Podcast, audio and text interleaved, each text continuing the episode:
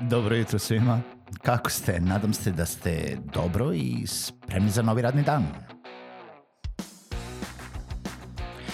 Pozdrav svima i dobrodošli na podcast Male pobede, stari novi podcast koji, well, koji je tu da bi vam kroz pitanje i savete dao motivaciju, pokrenuo vas u pozitivnom smeru i pomogao da ovaj dan počne bolje, jače i možda čak i zabavnije. Moje ime je Željko Crnjaković.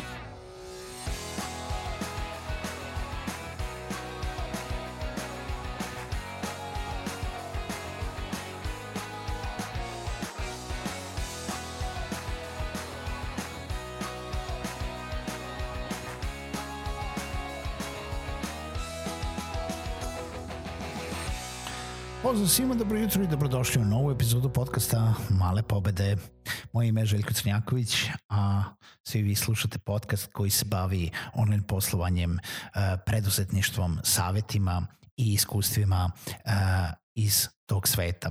Eh, ako imate pitanja, ako imate želje, ako imate predloge za neke teme, nemojte zaboraviti da mi pišete na malepobede.gmail.com, a i da se subscribe-ujete na bilo koju podcast platformu uh, koju koristite na vašim mobilnim telefonima i nađete podcast Male pobede. E, sa vama smo svaki radni dan od 8 časova. Ukoliko želite da podržite podcast, e, da nam kažete da radimo e, dobre stvari i da to pokažete, možete to da uredite preko Patreon platforme na www.patreon.com kroz male pobede i ostavite neki mali doprinos, mali prilog da bi ovaj podcast i dalje bio besplatan svima koji slušaju. E, juče smo pričali o nekim podeljenim ulogama, o tome kako bolje hendlovati klijente i šta klijenti očekuje. Danas želim da pričam sa vama o nekim mislim o tome kako pregovarate i kako pravite kompromis. Kako uopšte nudite vaše usluge ili proizvode. I sad više se svodi na neke usluge gde stvarno je potrebno da pregovarate ili neke možda pakete proizvoda digitalnih gde morate da kontaktirate klijentom, da izvršite tu neku usmenu prodaju i da vidite za šta je klijent zainteresovan, za šta nije.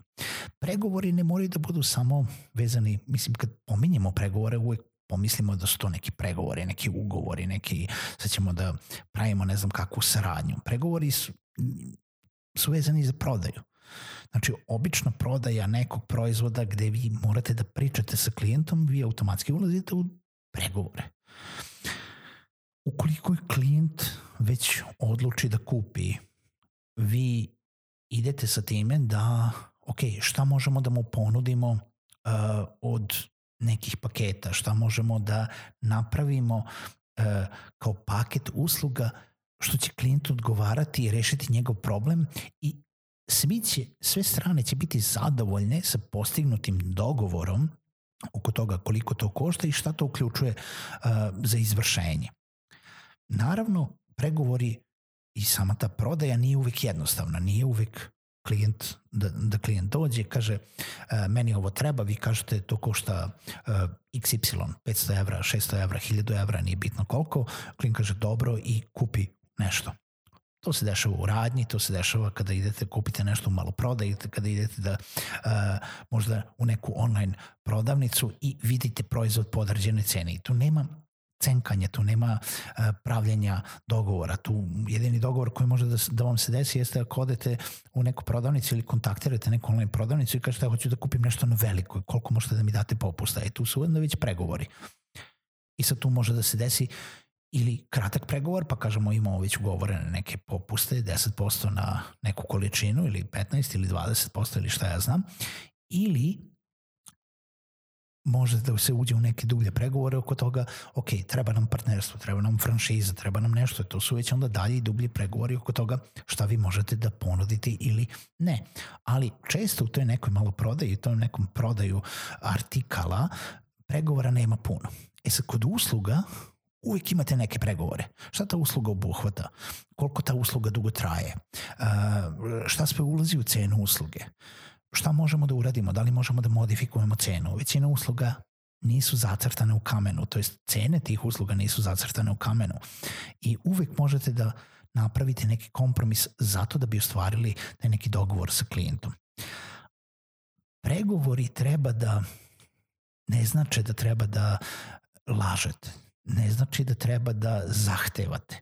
Pregovori značu, znače da treba da pričate sa klijentom ili sa tim nekim poslovnim budućim partnerom i da vidite šta njemu treba, a šta je vaš vaša usluga, vaš okvir u kojem možete da se krećete. Vi možete u pregovore da odete sa nekom početnom većom cenom, pa onda da se spuštate na cenu koja zapravo, koju ste zapravo i želeli da postignete. A možete i da napravite neke jel da, neke propuste, neke u stvari da dozvolite da se cena smanji na nešto što je vama prihvatljivo. Zato što je dobar klijent, zato što će možda uzeti više usluga, zato što će možda duže ostati sa vama. Ili jednostavno vam je potrebna ta prodaja sada jer niste prodali ništa posljednja dva ili tri meseca. U svakom pregovoru se javljaju kompromisi. I veoma je bitno naznačiti da kompromis nije postizanje vašeg cilja na uštrb cilja vašeg jel da, suparnika u pregovorima. Kompromis je zapravo situacija u kojoj obe strane smanjuju svoje očekivanja, u kojoj obe strane idu ispod onoga što su primarno tražili i kojoj, neko bi rekao, obe strane izlaze zadovoljno nezadovoljne. Zato što kompromis, sad može, možemo to ostaviti na nivou posla, možemo razmišljati o kompromisima u dogovorima na bilo kom drugom privatnom planu, kompromis već sam po sebi kao reč podrazumeva da niste dobili sve što ste hteli. Ni, ni jedna strana. Ni vi, ni suparnička strana. Nego ste napravili kompromis oko toga da ste popustili u nekim sferama, ali ste postigli zadovoljavajući dogovor radi nastavka dalje, to jest radi postizanja finalnog dogovora. Možda ste smanjili cenu, možda ste smanjili obim usluga, možda ste uh, produžili rok trajanja, možda je klijent došao i naručio više stvari, a dobio veći popust.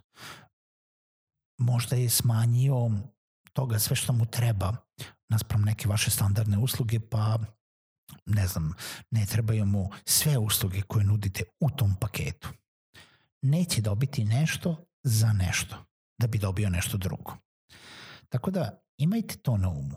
Imajte na umu jer mnogo ljudi koji uđu u pregovore uđu veoma rigidno. Uđu u prodaju da ovo košta toliko, uzmi ili ostavi ponekad taj pristup može da funkcioniše. Ponekad taj pristup uh, je potreban zato što jednostavno mm, jednostavno nećete da dopustite tom klijentu i nebitno vam je da li ćete zapravo postići dogovor. E, morate da procenite, morate da idete na psihologiju vašeg suparnika morate da idete na emocije, jer šta je prodaja nego emotivno povezivanje sa uslugama ili, uh, ili vašim proizvodom. Sada usluga i proizvoda ima istih na svakom koraku sa globalnim tržištem, sa digitalnim tehnologijama, vi zapravo niste ograničeni ni na svoju ulicu, ni na svoj grad, ni na svoju opštinu, ni na svoj region, vi ste zapravo u jednom, eh, na jednom digitalnom tržištu gde vam je tržište ceo svet i sad ukoliko vi ne prodate taj proizvod, prodaće ga neko drugi ili će taj klijent kupiti od nekoga drugoga. Ali šta vas čini posebnim? Pa recimo mišljenje da baš vi možete da rešite problem vašeg klijenta ali klijent i dalje želi da oseti da je postigao nešto, da je dobio vrednost za koju je platio. Možda ponekad samo želi da oseti da je uspeo nešto da dogovori. Samim tim i vi ćete imati neke svoje okvire u kojima možete da se krećete. Tako da nemojte nikada postavljati sebi one finalne, one najminimalnije uh, cene, najminimalnije troškovi ispod kojih ne možete da pregovarate, ispod kojih ne možete da idete nigde drugde. Ok je to u nekim momentima, ali ne uvek. Tako da uvek sebi napravite taj neki buffer u kojem možete da se krećete.